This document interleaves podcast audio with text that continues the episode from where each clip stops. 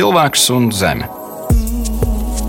Kā dzīvojam un ko atstāsim nākamajām paudzēm?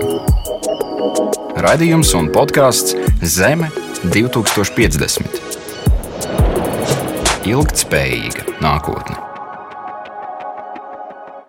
Labdien! Latvijas radio viens ēterā raidījums Zeme 2050. Arī šajā nedēļā studijā Aleksis Vilciņš. Un es, protams, sveicinu arī tos, kas klausās šo raidījumu podkāstu formātā visās straumēšanas platformās, kā arī tos, kas vēro raidījumu video versiju Latvijas radio YouTube kontā. Šīs dienas raidījumā mēs runāsim par ilgspējīgām finansēm, kā plānot savu personīgo budžetu, kā sabiedrībā veicināt uh, finanšu pratību, un ko tas īsti nozīmē. Galu galā runāsim arī par zaļo kursu un uh, jauniešu iespējām attīstīt savas uh, biznesa idejas. Ar savām domām un pieredzi dalīsies šīs Zeme 2050 sērijas eksperti, Rīgas Stradiņa Universitātes doktorantūras studente klimata politikā. Māra Rūse. Sveika, Māra! Sveika! Un arī finanšu pratības projekta FinLit pārstāvis un finanšu profesionālis Kaspars Sils. Sveiks, Kaspar! Sveiki. Sarunas ievadā es jūs abus gribu lūgt klausītājus un skatītājus nedaudz plašāk iepazīstināt uh, ar sevi un savu profesionālo darbību, un varbūt arī kā ilgspējas jautājumi ienāk jūsu ikdienā un darbā. Māra, tu māji ar galvu, tāpēc sāksim ar tevi. Sveiki, klausītāji! Man eh, varbūt tā, mans fons un pieredze ir eh, gan tagad eh, studējot tieši par klimatu politiku, bet tas bija tāds dabiski pārējā uz šo jomu, kā vienkārši ļoti globālu aktuālu tēmu no pirms tam Latvijas bankas ekonomista vietas. Tā kā man varbūt tas fokus, tas, kas, ko man patīk rakt un izpētīt, ir tieši kādā veidā ekonomika saistās ar klimatu. Jo man liekas, ka mēs sabiedrībā bieži vien um, skatāmies uz to atrauc. Tiksim, mēs esam visi iemācījušies šķirot atkritumus, bet mēs nedomājam par to, kā tik tiešām uh, varētu samazināties CO2 izmeši, kas izraisa arī pašu globālo sasilšanu. Kas par kāds ir uh, tavs stāsts? Pats esmu nu, jau tikko tieši padomājis, ka drīz dekādi jau dažni dažādos finanšu pozīcijās. Sešus gadus uh, no tiem bija Londonā, četri gadi Latvijā kopš 2017. gada. Un, un finanšu tāda lasīt prasme un lietpratība ir tāds vairāk man kā hobijs. Esmu eh, daļa no Global Shapers Rīga nevalstiskās organizācijas kā biedrs un Finlit eh, projekta viens no uzsācējiem, par ko es droši vien nedaudz eh, vēlāk arī pastāstīšu. Principā es par šo tēmu sāku arvien vairāk un aktīvāk domāt, kad es vēl studēju Lielbritānijā, Darams Universitātē. Man tieši bakalaura darba vadītāji bija profesori, kur arī regulāri brauca tieši uz Austrumu Eiropu, gan arī Balkāniem, runāt par finanšu pratību. Jo, lai arī finanšu pratība kā tāda ir problēma diezgan liela Eiropā, tomēr Austrum Eiropa un Balkāna iezīmējās kā visticamākais arī mūsu kaut kāda politiskā konteksta un vēsturiskā konteksta dēļ. Kā vēl vājāk reģionu. Tad tas jautājums man tāds palicis diezgan aktuāls un vēlējos arī pielikt savu vārtu, mēģinot to situāciju nedaudz uzlabot Latvijā. Mēs eh, sāksim ar plašākajiem tematiem, un tad eh, ķersimies pie mūsu katra personīgajiem maciņiem. Varbūt ne mūsu trīs konkrēti, bet nu, jūs sapratāt. Un to pārvaldības pirmais jautājums, Māra, visticamāk, tavā virzienā, kāda ir finanšu nozares loma klimata pārmaiņu ierobežošanā un kas tad ir tā ilgspējīgā ekonomika, uz kur mums jātiec? Jā, par klimatu finanšu nozari. Interesanti, ka finanšu nozare ir varbūt tāda izveicīgāka nekā pārējā ekonomika. Tāpēc arī ātrāk ir atspoguļojusi pirmo tendenci, ka sabiedrība pati ir arvien vairāk uzprasījusies uz to, ka tā vēlās zaļākus projektus, zaļākus ieguldījumus. Um, protams, finanšu sektors uh, pieiet visam ļoti pragmatiski, vai var nopelnīt, vai gluži pretēji ir riski. Un uh, no tā pirmām kārtām no iespējas nopelnīt Jā, pēdējo piecu gadu laikā varbūt Latvijā mēs to mazāk jūtam, bet uh, Rietumē Eiropā iedzīvotāji, un, uh, protams, īpaši tie, kuriem vēl 50 gadus šīs planētas ir jānodzīvo, respektīvi jaunieši, mileniāļi ir vairāk um, vēlēs savus uh, pensiju noguldījumus likt tieši tādos projektos, kas ir ilgspējīgi un vismaz nekurina ogles. Un tādēļ eh, finanšu institūcijas ar vien vairāk rada šādus zaļus iespējas ieguldīt. Eh, zaļās obligācijas ir, ir viens tāds jēdziens, kas parādās. Un um, izaicinājums ir tas, ka nav nemaz tik daudz tādu zaļo projektu, pieņemsim, vēja ģeneratoru ražotāju vai kādu tam līdzīgu, kuros varētu ieguldīt tos līdzekļus. Tāpēc arī ir parādījušies dažādi viltojumi. Projekti, teiksim, arī saka, ka viņi ir zaļi, bet varbūt īstenībā nav. Un šobrīd arī tas lielais darbs, kas arī teiksim, Eiropas Savienības līmenī ir radīt klasifikāciju, lai varētu precīzi pateikt, eh, ir zaļš vai nav zaļš, un tad arī finanšu sektoram dot tās vadlīnijas. Un otra lieta ir negatīvais skrīnings, kad teikt, ka bankas un finanšu institūcijas atsakās ar vien vairāk, piemēram, Eiropas Investīcija banka tagad pirms gada kaut kur pasludināja, ka viņi vairs neieguldīs oglekļa intensīvos projektos, tas pašs akmeņu ogles. Ja kāds grib šādus projektus finansēt, tad lūdzu pie privātām bankām par augstām likmēm. Tā kā finanšu sektors noteikti, kā saku, ir ātri reaģējis, un varbūt tālāk arī uzņēmēji tam sekos, varbūt kāda motivējoša procentu likme augstāk vai zemāk varētu izmainīties. Nu, es vēl varu paturpināt, ka noteikti ilgspējīga ekonomika nav, protams, tikai vide, jā, kas ir arī sabiedrības labklājība. Protams, tās lietas ir ļoti roku rokā, jo, teiksim, bez paša finanšu sektora aktuāls jautājums, nu, mēs e, visi esam dzirdējuši, ka Parīzes nolīgumā, kur valstis visas ir parakstījušas, teikt, skaitā Latvija, mums ir jāsamazina CO2 kopumā siltumnīca efekta gāžu izmešu apjoms tā, lai globālā sasilšana nenotiktu pārāk strauji. Tur ir runa par tiem 1,5 grādiem. Un, lai to sasniegtu, tad uh, visām ekonomikām ir jāpāriet uz zaļo, un uh, tas nozīmē arī visādu potenciālu nodokļu ieviešanu. Tas saucamais oglekļa nodoklis. Lai tas notiktu, tad uh, sitiens būs pa iedzīvotāju maciņiem. Teiksim, mēs iedomājamies, ka mums atkal būs jāmaksā lielāka nodokļa, pieņemsim, par degvielu, lai aizbrauktu uz darbu. Protams, liela daļa varētu pret to protestēt. Tā kā tie jautājumi ir ļoti arī saistīti ar sabiedrības labklājību, ar nevienlīdzību, lai visi iedzīvotāji un īpaši trūcīgie varētu turpināt darboties. Tāpat tās arī starp valstīm veidojās nevienlīdzība. Dažas valsts tikai nesen ir sākušas attīstīties un kā lai viņas tagad piespiež pārtraukt rūpniecību, piemēram. Kas par vai tev, kas vēl piebilstams par ilgspējīgu ekonomiku? Es domāju, varbūt atgriežoties pie tās finanšu nozares, man liekas, ir vērts arī piebilst, ka uh, cik ļoti ātri tas izmainās. Teiksim, pirms tiem pašiem astoņiem, deviņiem, desmit gadiem, gan kad es studēju, gan arī saskāros finanšu nozarēm ar tādu kā finanšu indeksiem, kas investē tieši kompāniju akcijās, kas nodarbojās ar ar ESG, kas ir Environmental Social Governance, nu, tātad vidas, sociālajiem jautājumiem vai pārvaldības jautājumiem. Un tad, kad runāju par to loģiku, kāpēc investori izvēlētos tikai tādos uzņēmumos ieguldīt savu naudu, lielākoties figurēja ētiskais jautājums. Viņi to dara, tāpēc, ka viņiem tas liekas pareizi.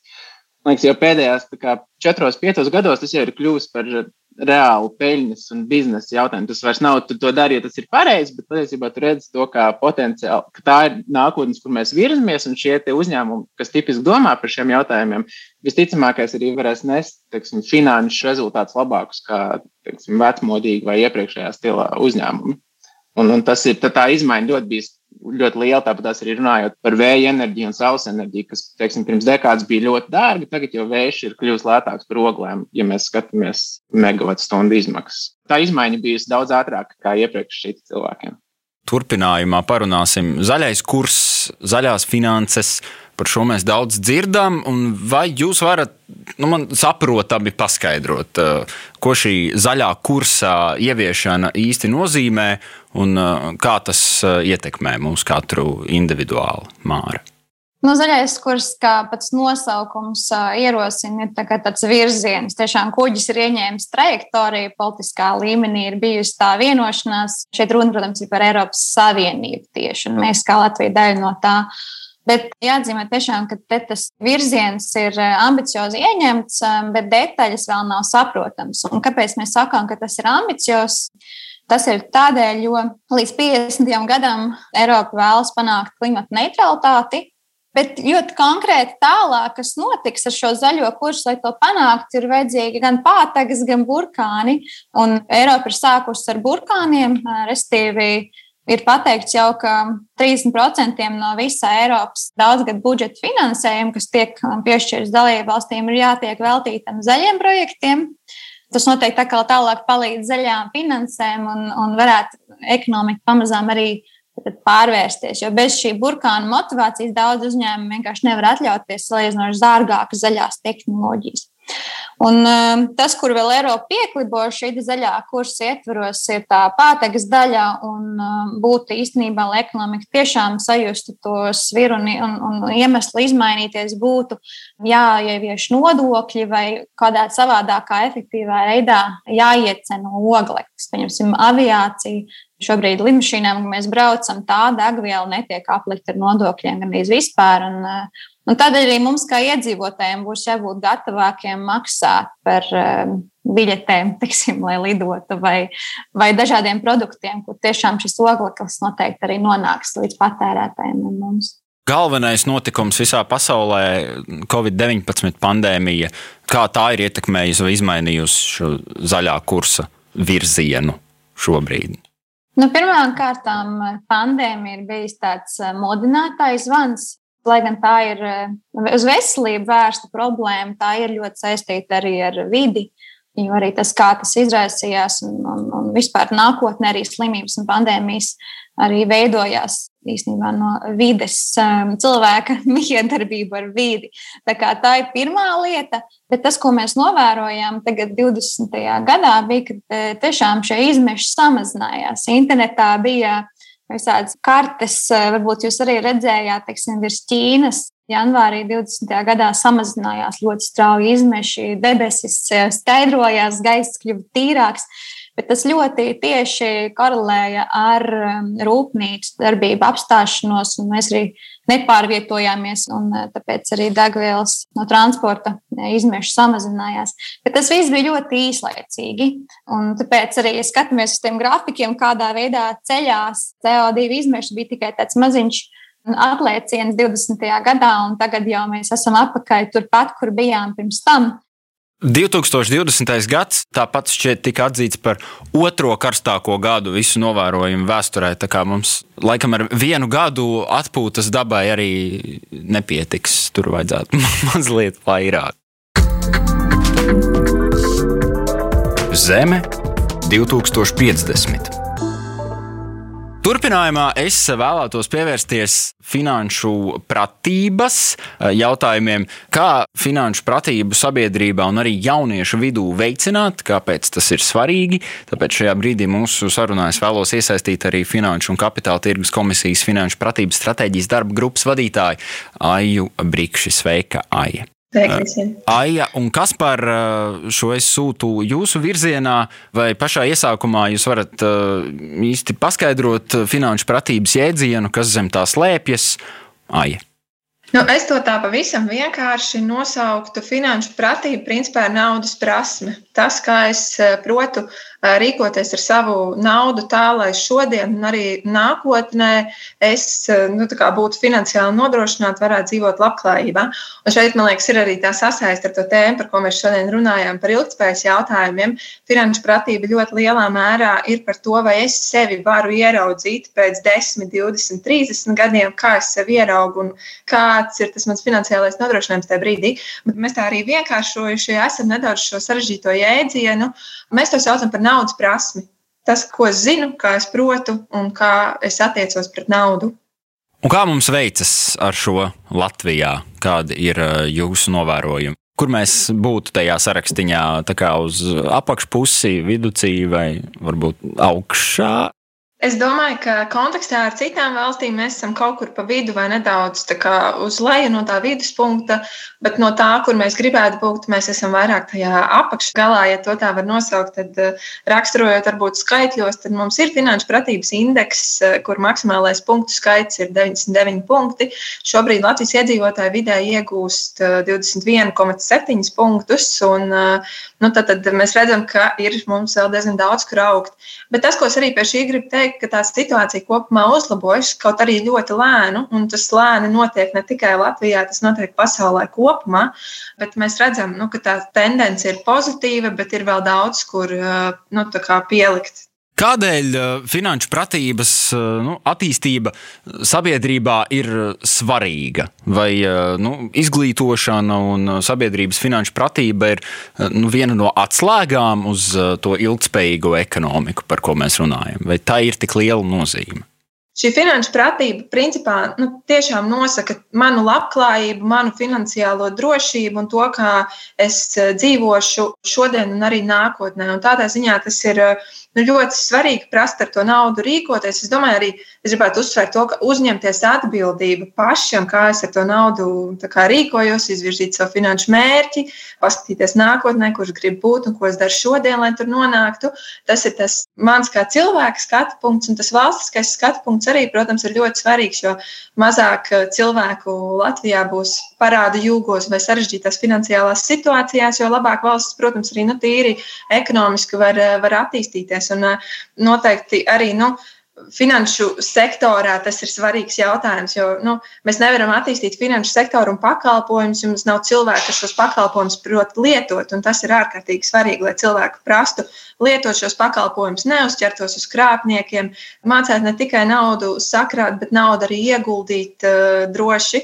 Un šeit ir ļoti daudz aspektu, un arī šis ieguldīšanas aspekts kopumā iet ar tādu finanšu ilgspēju kopā, kurš šo naudu iegūda. Vai es to iegūdu vidē draudzīgos uzņēmumos, vai es iegūdu otrā skalas gala uzņēmumos. Un, un šeit arī tas ir būtiski. Nu, arī cilvēkiem skaidrot un izprast, ka tomēr tā nākotne ir šajos zaļajos uzņēmumos, un tās ir tās ilgspējīgās investīcijas, ko mēs katrs varam veikt. Es gribētu teikt, ka tas ir svarīgi gan katram no mums pašam, gan arī nu, valstī kopumā, lai cilvēkiem būtu laba šī finanšu pratība. Es mazliet gribu tādu lielāku vēl skaidrību tajā terminā ieviest. Kas ir tie finanšu pratības elementi? Vai mēs mācām cilvēkiem ieguldīt, vai mēs mācām uzkrāt? Kas par turpina šo sarakstu?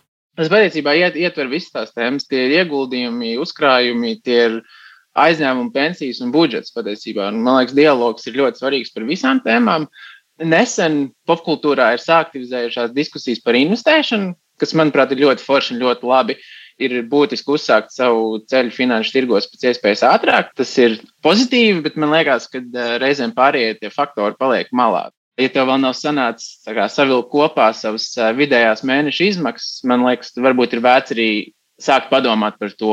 Un, protams, arī finansiāli izglītot jaunatnē un cilvēku vispārīgi arī valstiskā līmenī palīdz veidot nodokļu bāzi. Un, respektīvi, ja tu sāc saprast, kā veidojās arī tava pensija, varbūt tev arī ir papildus motivācija strādāt oficiāli atalgot darbu nekā aploksņa alga, kas arī ir viens no sāpīgiem punktiem valsts kontekstā. Un arī tieši tā, kā Ai minēja, investēšana finanšu tirgos ir sevišķi vietējos, gan uzņēmumos, teiksim, zaļajos, gan arī vietējos ražotājos, sanāk ar saviem kaut kādiem uzkrājumiem atbalsti papildu darba vietu veidošanu, uzņēmumu attīstību Latvijā, un tad sanāk, ka tev finanšu līdzekļi cirkulē. Es uh, gribētu pieņemt, ka cilvēks savu finanšu pratību nu, var attīstīt arī laika gaitā, nu, pats gandrīz, vai pieņemot lēmumus, kļūdainus lēmumus, mācoties no savām pieredzēm. Bet kā šo finanšu pratību, jūsuprāt, var veicināt tieši jauniešu vidū, kam vienkārši nav bijis laika visu to pieredzi vēl uzkrāt? Un kāpēc ir svarīgi ar šiem jautājumiem, tātad par šiem jautājumiem izglītot šo sabiedrības grupu?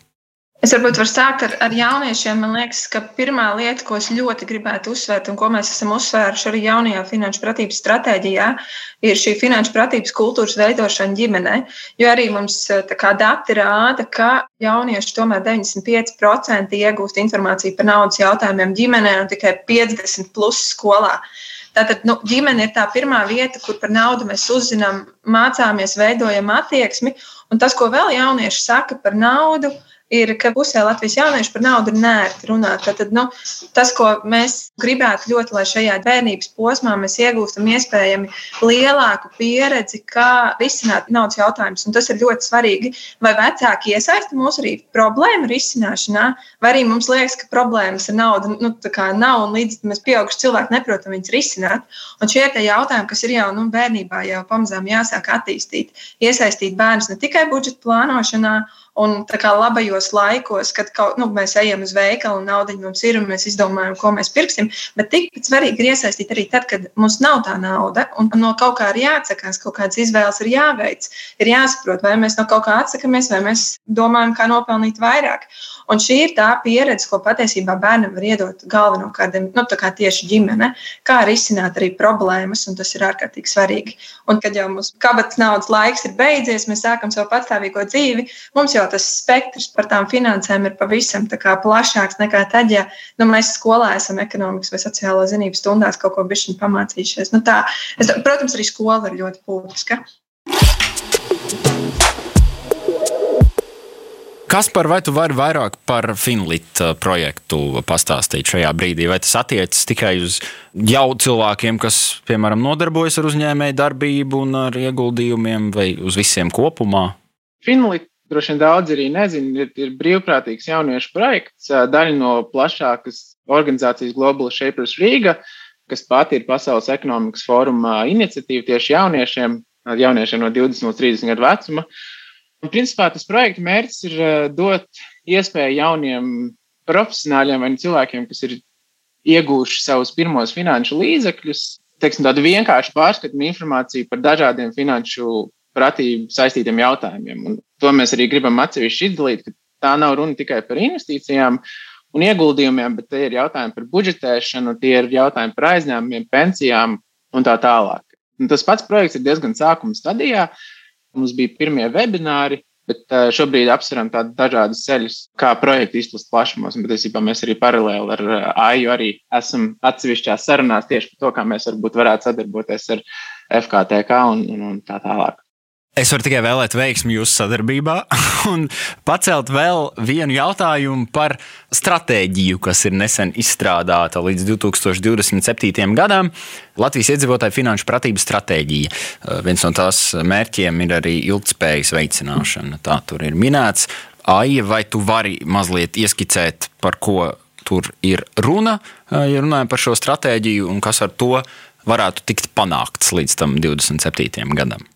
Tā pavisam vienkārši sakot, stratēģija ir trīs lieli mērķi. Pirmais mērķis ir celt šo naudas prasmi, otrs mērķis ir iesaistīt finanšu pakalpojumu sniedzējus pirmā mērķa īstenošanā un dot arī viņiem to savu atbildības daļu, iesaistīties un, un veidot tādu vidi, lai viņa būtu finansiāli uh, droša un, uh, un finanšu pratību veicinoša. Un trešais ir mērķis ir maksimāli iesaistīt dažādas organizācijas, institūcijas un paplašināt to resursu daudzumu, ko mēs veltam sabiedrības finanšu pratības veicināšanā, jo finanšu pratības veicināšana nav ļoti vienkāršs uzdevums, un tas ir arī resursu ietilpīgs uzdevums. Tas ir trešais mērķis.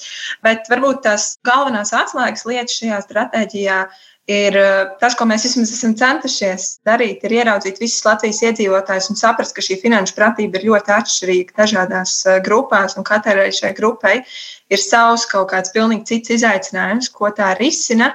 Otra lieta ir pievērst lielāku uzmanību tieši tam, ka es nevis zinu, kā rīkoties ar naudu, bet es arī rīkojos. Tā kā mudināt cilvēkus ne tikai zināt, uzzināt un tā tālāk, bet nu, praktiski rīkoties eh, finansiāli prātīgāk. Un tas ir ļoti, nu, arī, es gribētu teikt, atšķirīgs varbūt nekā mēs iepriekš esam strādājuši un skatījušies. Un, un stratēģijā mēs arī nu, kā, esam iecerējuši pētīt, eh, analizēt, kāpēc cilvēki rīkojas tā, kā viņi rīkojas un kā to varētu vērst par labu, ja to tā var nosaukt.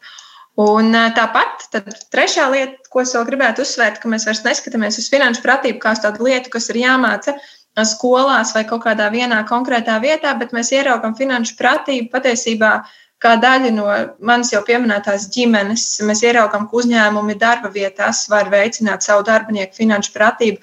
Tā finanšu pratība kā, ir daudz klātesošāka. Viņa ir visur. Mēs par to runājam ne tikai nu, mācību stundā, bet uh, tas iziet tā ļoti tādā plašā sabiedrības daļā. Tās ir tās ieceres, un, un es domāju, ja mēs sasniegsim, tad šis lielā vīzija šai stratēģijā, ka lat, katrs Latvijas iedzīvotājs tomēr ir kļuvis septiņu gadu laikā nu, tāds finansiāli un naudpratīgāks, ja to tā var saukt.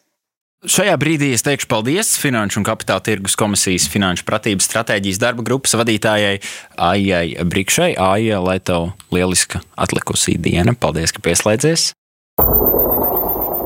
Uz kuru pusi pasaule griezīsies pēc dažām desmitgadēm? Ekspertu spriedumi, risinājumi un prognozes. Raidījums un podkāsts Zeme 2050. Ilgtspējīga nākotne. Turpinājumā es vēlos eh, vairāk parunāt par eh, naudas lomu mūsdienu sabiedrībā, par naudu kā resursu. Tāpēc eh, mūsu sarunai šajā mirklī vēlētos pieslēgt ekonomikas antropologu Andri Šuvājevu. Sveiks, Andri! Sveiki! Pirmais jautājums tev varbūt tāds filozofisks nedaudz. Kādu lomu mūsdienu sabiedrībā ieņem nauda tavā skatījumā, un kā un vai šī loma mainās un varētu mainīties arī uh, nākotnē? Plašs jautājums. Mums nauda um, mūsdienu tādā kapitāla ekonomikā ir, ir absolūti centrāla um, ikdienai. Gan arī visas mūsu attiecības tiek vienā vai otrā veidā mediētas caur naudu. Uh, Es uzreiz domāju, ka varbūt es pat uh, mazliet uh, pieskaršos pār, pār tām tēzēm, kas, kas ir izskanējušas līdz šim, lai varbūt iezīmētu varbūt to kontrastu, kurā es domāju par šiem jautājumiem. Man šķiet, ka nu, jā, tas, kas izskanēja iepriekšējā diskusijā, tas, mēs būtībā uztveram naudu par tādu kā privātu lietu, kā kaut kas, kas pastāv respektīvi attiecības starp individu un naudu, un viņas ir būtībā privātas, un viss pārējais ir mazāk svarīgs. Un, teiksim, šī te perspektīva atspoguļojas ļoti daudzās jomās un sfērās. Pirmkārt, jau vēsturē mēs joprojām domājam, ka pirms vairākiem tūkstošiem gadu sabiedrībās galvenā ekonomikas forma bija partners, kur cilvēki mēģināja viens ar otru apmainīties, un tad parādījās divi kaut kādi individi, kas izbo, izdomāja naudu, un kopš tā laika mēs izmantojam naudu un tā tālāk, lai arī nauda vienmēr būtībā ir bijusi publiska, viņa ir vienmēr eksistējusi un realizējusies un radusies ar publiskām sistēmām, publiskām institūcijām, kuras mēs varētu saukt par valstīm mūsdienās, bet tas arī vēsturē ir bijuši daudz citu veidojumu.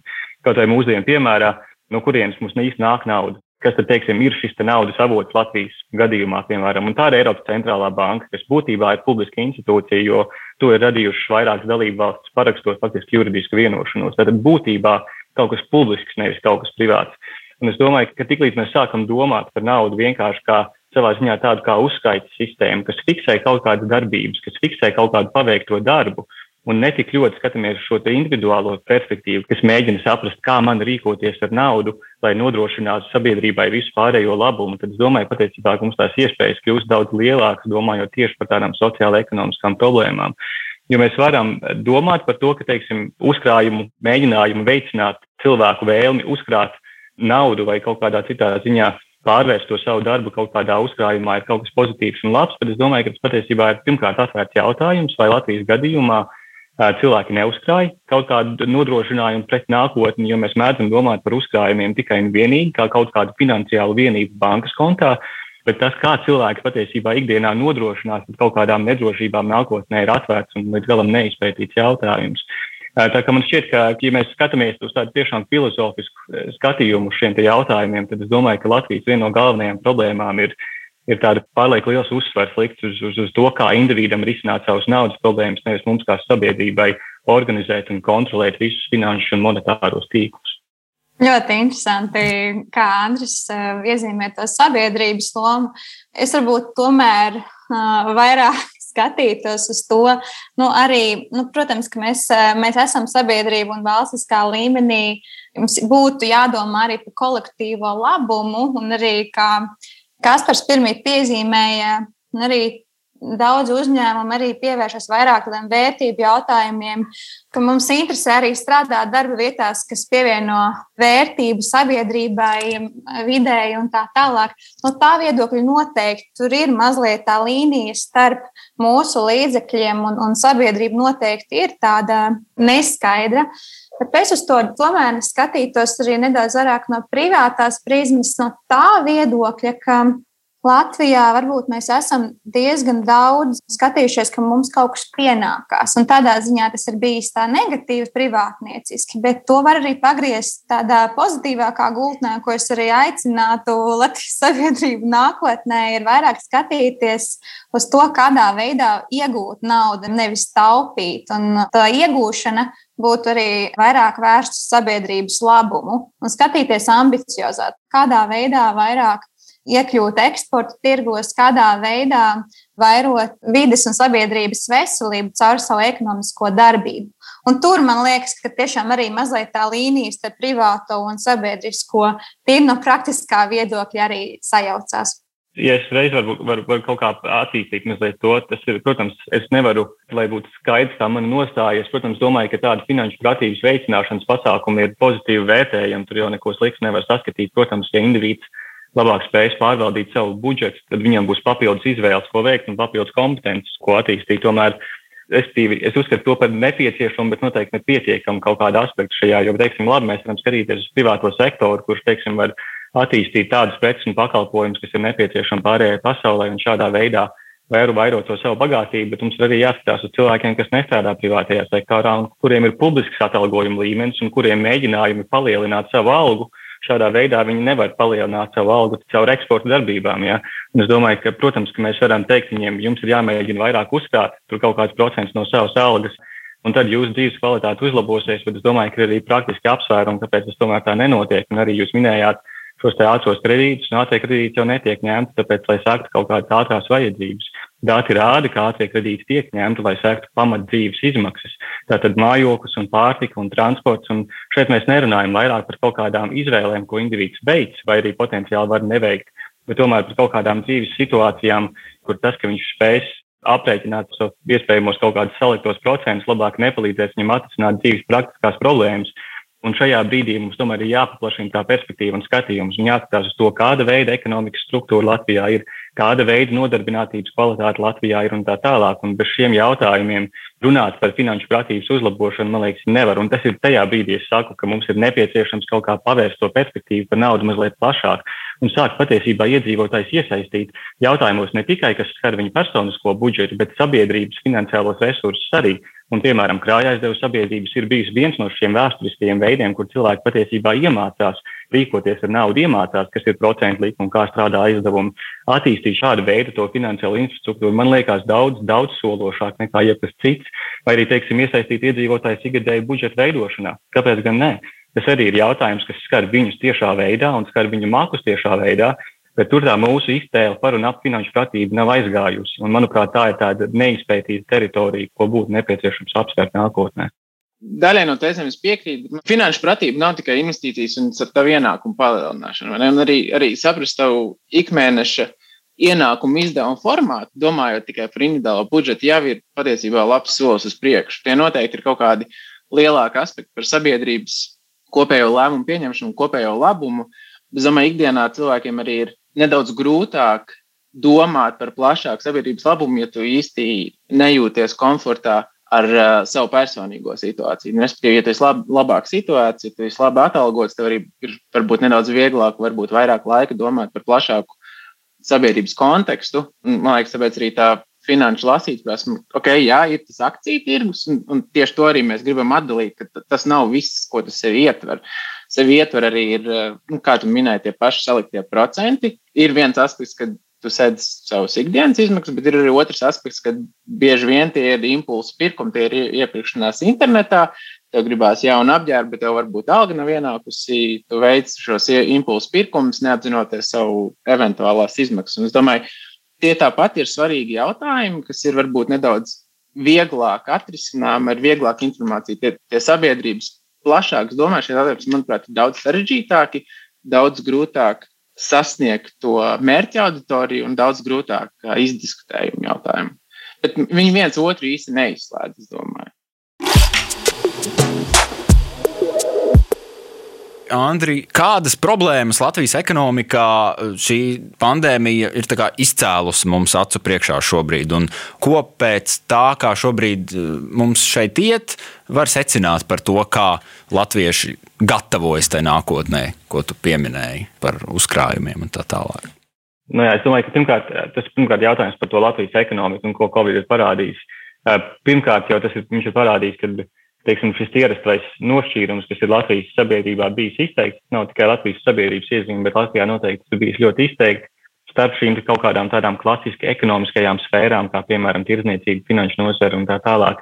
Un šīs pārējās sfēras, kuras mēs uzskatām ne par ekonomiskām, kā piemēram veselība un izglītība, mēs nevaram strādāt ar šādu veidu nošķīrumu, mēs nevaram veidot politiku ar šādu veidu nošķīrumu. Jo, ja Covid ir kaut ko parādījis, tas ir parādījis to, cik nenoturīga ir Latvijas sabiedrības ekonomika attiecībā uz šādu veidu stresiem vai kaut kādiem satricinājumiem.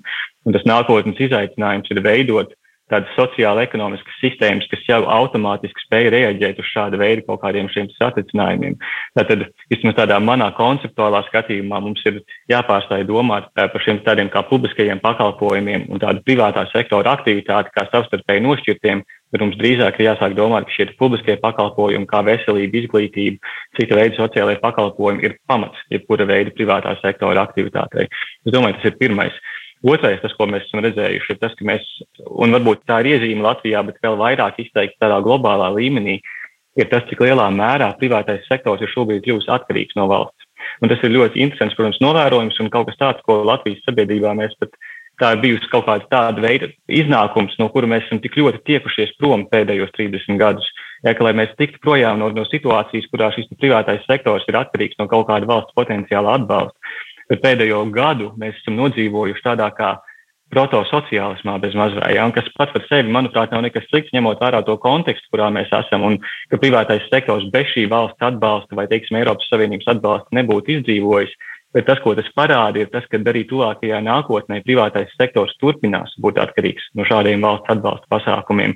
Un tas savukārt mums liek domāt par to, kā nodrošināt, ka šāda veida privātā kapitāla intereses patiesībā atbilst arī demokrātiskiem principiem, ka nepastāv situācijas, kurā šis privātais kapitāls, kurā valsts sāk iezīmēt konkrēta veida atbalstu un ierobežojošu atbalstu konkrētām privātā sektora interesēm, tās, kuras lobē labāk un tās, kuras tiek pārstāvētas labāk. Un šajā gadījumā es domāju, ka mums ir daudz pamata satraukties, ņemot vērā par to, kā ir notikusi līdzinējā Eiropas Savienības fondu sadale Latvijā, Tas process ir bijis fundamentāli nedemokrātisks, uz ko arī ir, un, un, un tās tēmas, kas saņem atbalstu, ir tādas, kur arī Eiropas komisija ir norādījusi, ka viņi tomēr nerisina šos sabiedrībai sociālās nevienlīdzības aspektus. Un šajā ziņā es domāju, ka Covid ir vienkārši atklājis, protams, to, kas jau līdz šim vienmēr bijis patiesa mūsu gadījumā, bet vienkārši vēl vairāk to akcentējis. Un, Es domāju, ka skatoties nākotnē, šis ir viens no galvenajiem izaicinājumiem. Tātad saprast, kādā veidā mēs varam nodrošināt, ka šīs privātā kapitāla intereses nenonāk konfliktā ar visas sabiedrības un demokrātijas principiem. Kā to darīt, tas ir atvērtais jautājums, bet tāds, par kuru noteikti mums būs jādomā. Mums ir jādodas uz priekšu, tāpēc šajā brīdī es teikšu paldies ekonomikas antropologam Andrim Šuvājevam. Andri, paldies, ka atradāt laiku pieslēgties.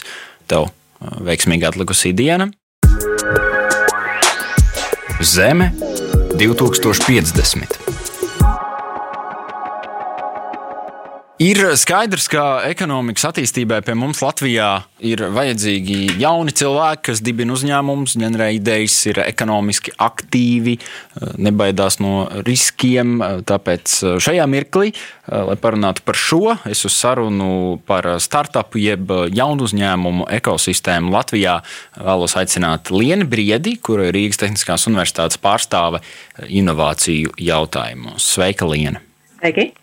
Liene, vai iesākumā tu vari klausītājiem un skatītājiem uh, mazliet iezīmēt un pastāstīt par savu darbību, jaunu uzņēmumu un uh, inovāciju laukā? Jā, viens mans darbības lauks ir uh, saistīts ar Eiropas Innovāciju un Tehnoloģiju institūta zināšanu kopienu pārstāvniecību Latvijā. Ko tas nozīmē? Tā ir tāda salīdzinoši liela organizācija, kuras uzdevums ir veicināt Eiropas inovāciju konkurētspēju, un viņi to dara caur šīm zināšanu kopienām, ja dažādām tematiskajām grupām.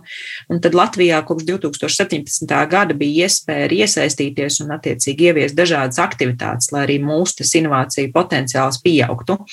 Un tad um, kādu labu laiku jau ir manā pārziņā Climate Kick robotika, jeb um, klimata zināšanu kopiena, pārtikas un materiālu. Un šobrīd arī aktīvi strādājam pie citu zināšanu kopienu piesaist Latvijai. Tad tā ir tā viena daļa. Otra, kas uh, nav mazsvarīga, ir uh, tieši saistīts ar studentu uzņēmēju spēju attīstību, jeb studentu inovāciju granti, kur pārziņā ir vesels astoņi projekti, gan inkubātori, pirms inkubātori, dažādi apmācību modeļi, kur uh, mēs veicinām studentu uzņēmēju spējas.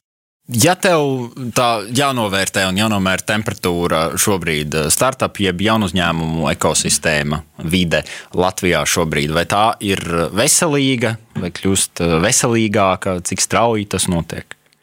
Latvija salīdzinoši ir diezgan jauna šajā jomā, un ekosistēma arī dzen ir jauna. Un uh, neņemot vērā to, ka mēs nu, tiksim, ieskrienamies salīdzinoši neilgu laiku periodu, es teiktu, ka tā ir milzīgs potenciāls, un to arī ir novērtējuši dažādi indeksi. Un, ja iepriekš arī runātāji minēja, mums arī nu, ekosistēma mēra, mūsu pievilcību mēra dažādi partneri. Un uh, pavisam nesen tika publicēts, ka nu, Latvija, līdzīgi kā citas Baltijas valsts, ierindojas kā visdraudzīgākā jaunu uzņēmumu vide.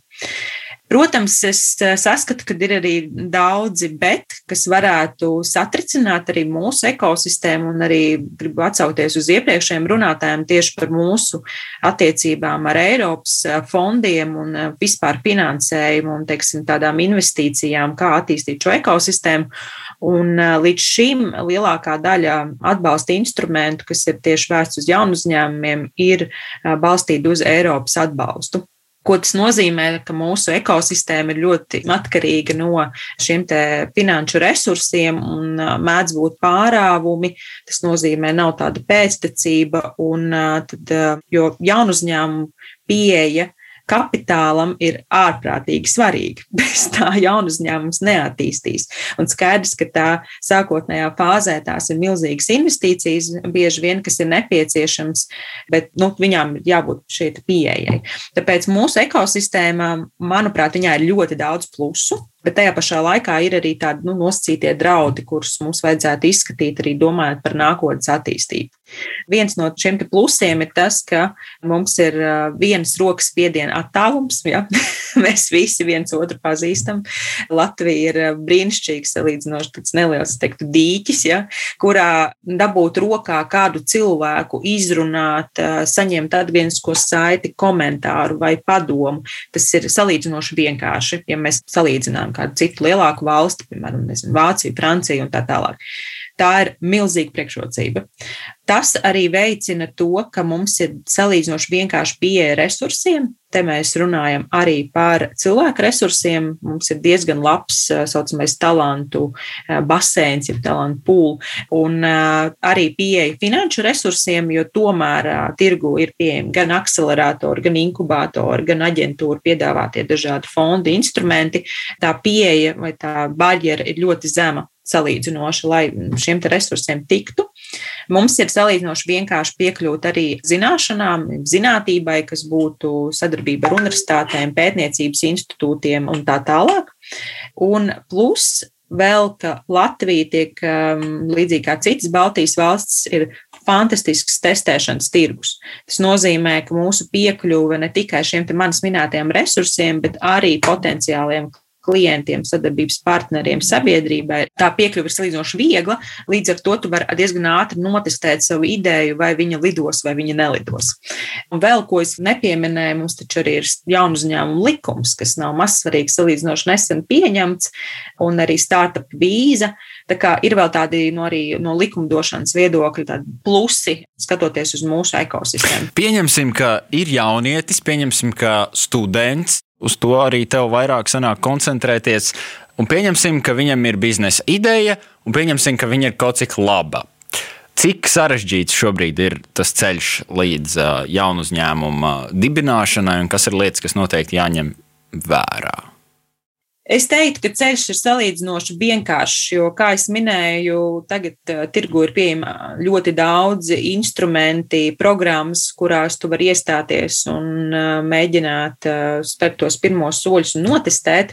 Bet tas posms no tā, ka tev ir ideja un viņa tev šķiet brīnišķīga līdz jaunu uzņēmumu dibināšanai, ir diezgan garš.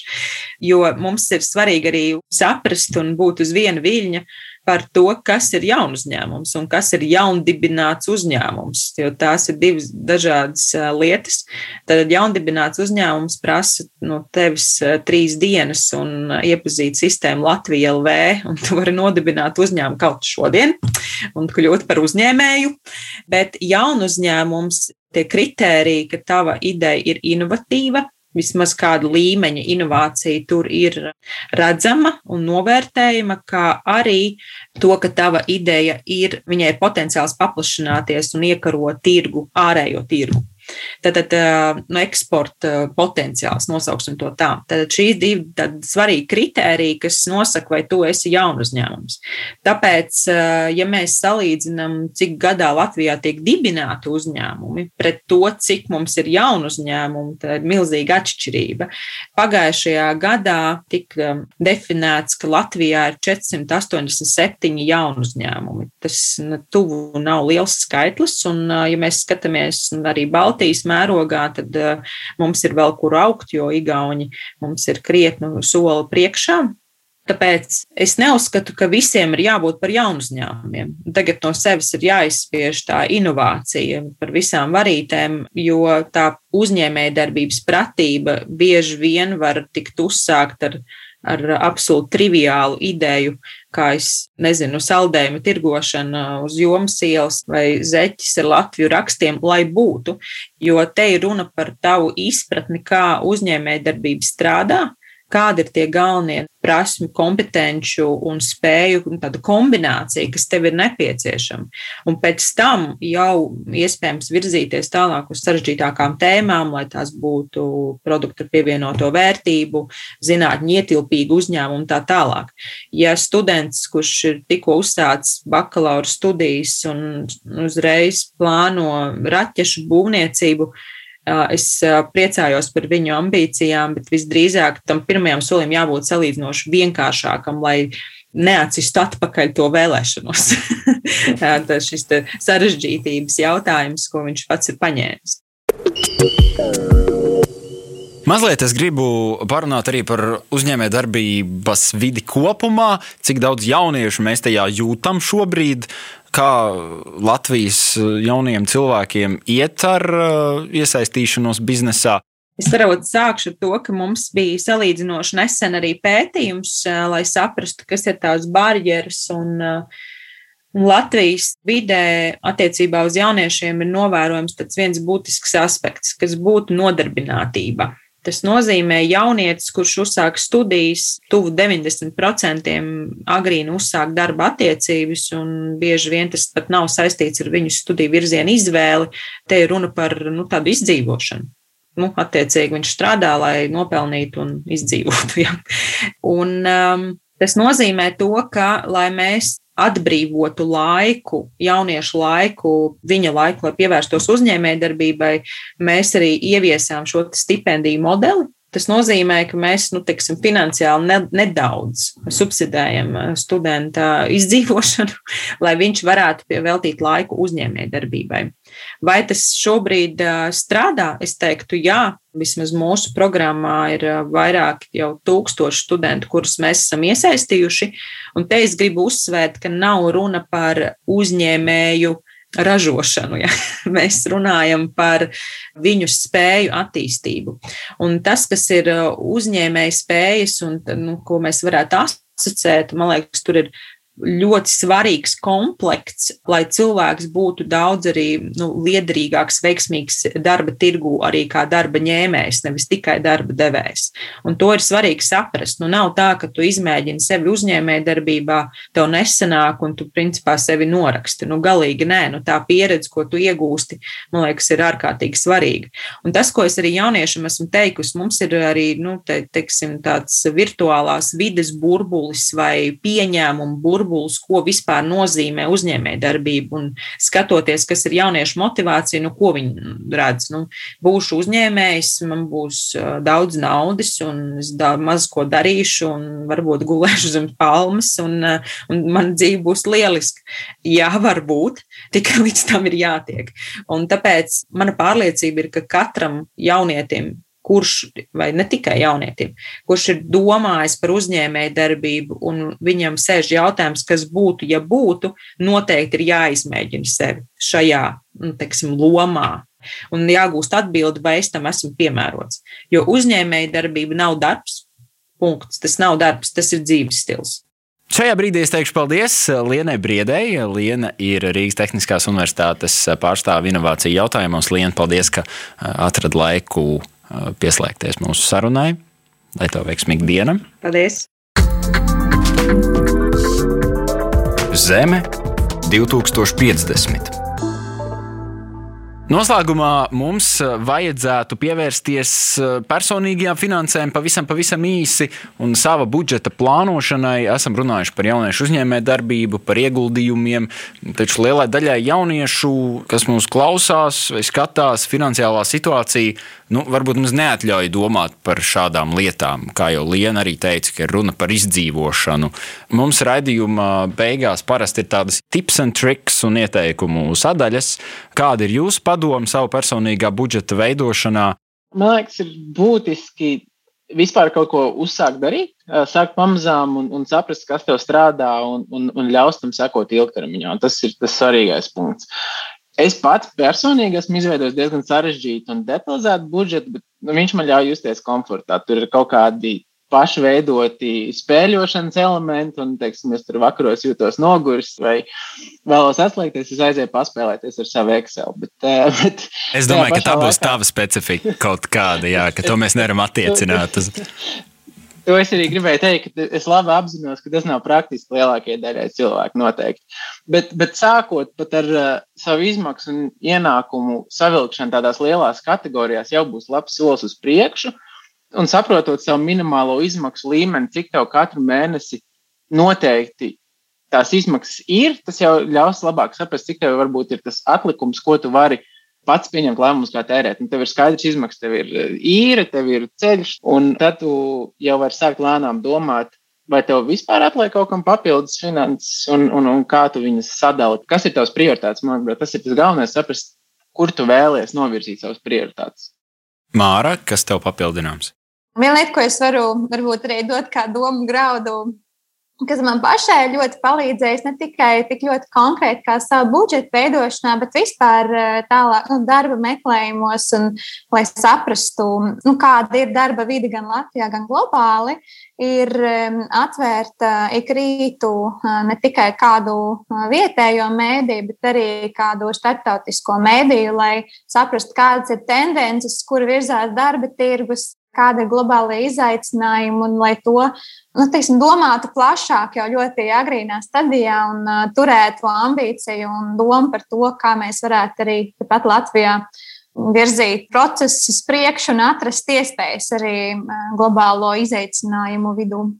Un pašā noslēgumā pavisam īsi mēs arī ar tādām prognozēm un vīzijām 2050. gadam uh, nodarbojamies. Kāda ir jūsu vīzija 2050. gadā, kā Latvijas sabiedrības finanšu pratība izskatīsies, un vai varēsim saukt mūsu ekonomikas modeli par ilgspējīgu? Kas par?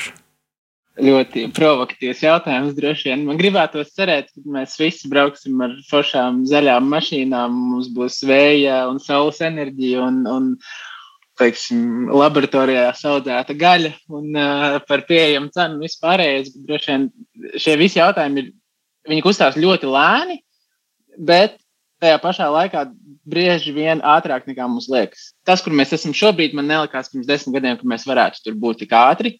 Un līdz ar to man liekas, ir diezgan viegli nenovērtēt, cik tas izmaiņu temps var arvien pātrināties. Un, un attiecīgi, tāpēc arī diezgan pozitīvi skatos uh, nākotnes virzienā. Māra, 2050. gads, vai arī tu pozitīvi skaties? Es domāju, ka būs ļoti daudz izaicinājumu. Es varbūt līdz šim šķitu optimisti, bet uh, attiecībā uz uh, nākotni man liekas, ka mēs esam milzīgi izaicinājumi priekšā, lai arī tiktu galā ar lielajiem valsts parādiem, kas, kas tagad Covid laikā ir saradušies. Es domāju, nu, mums un nākošajai paudzei noteikti būs uh, grūti, uh, bet uh, varbūt tās cerības stariņš ir, ka kāds izgudros uh, nākošo zaļo inovāciju, kas uh, palīdzēs uh, visā enerģijas jautājumā nonākt uz stabilām kājām. Cerēsim! Teikšu paldies šīs dienas radījuma viesiem, Aijai Brikšai, Andrim Šuvajevam un Lienai Briedei. Paldies ekspertiem, Mārai Rūsai un Kasparam Silam. Mēs radījumā podkāstā Zeme 2050 tiekamies atkal pēc nedēļas, kad klāt būs mūsu radījuma cikla pēdējā sērija. Tajā runāsim par sociālo tīklu un to lietotāju lomu, to jautājumu komunicēšanā, kuru šajos deviņos radījumos līdz šim esam pārunājuši. Šo radījumu producēja Katrīna Lauga, video veido Miksija Luškins, par skaņu rūpējās Reinis Budze, bet šeit studijā ar jums biju es, Aleksis Vilciņš. Tiekamies nākamnedēļ un visu labu! Cilvēks un zeme. Kā dzīvojam un ko atstāsim nākamajām paudzēm? Radījums un podkāsts Zeme 2050. Ilgtspējīga nākotne.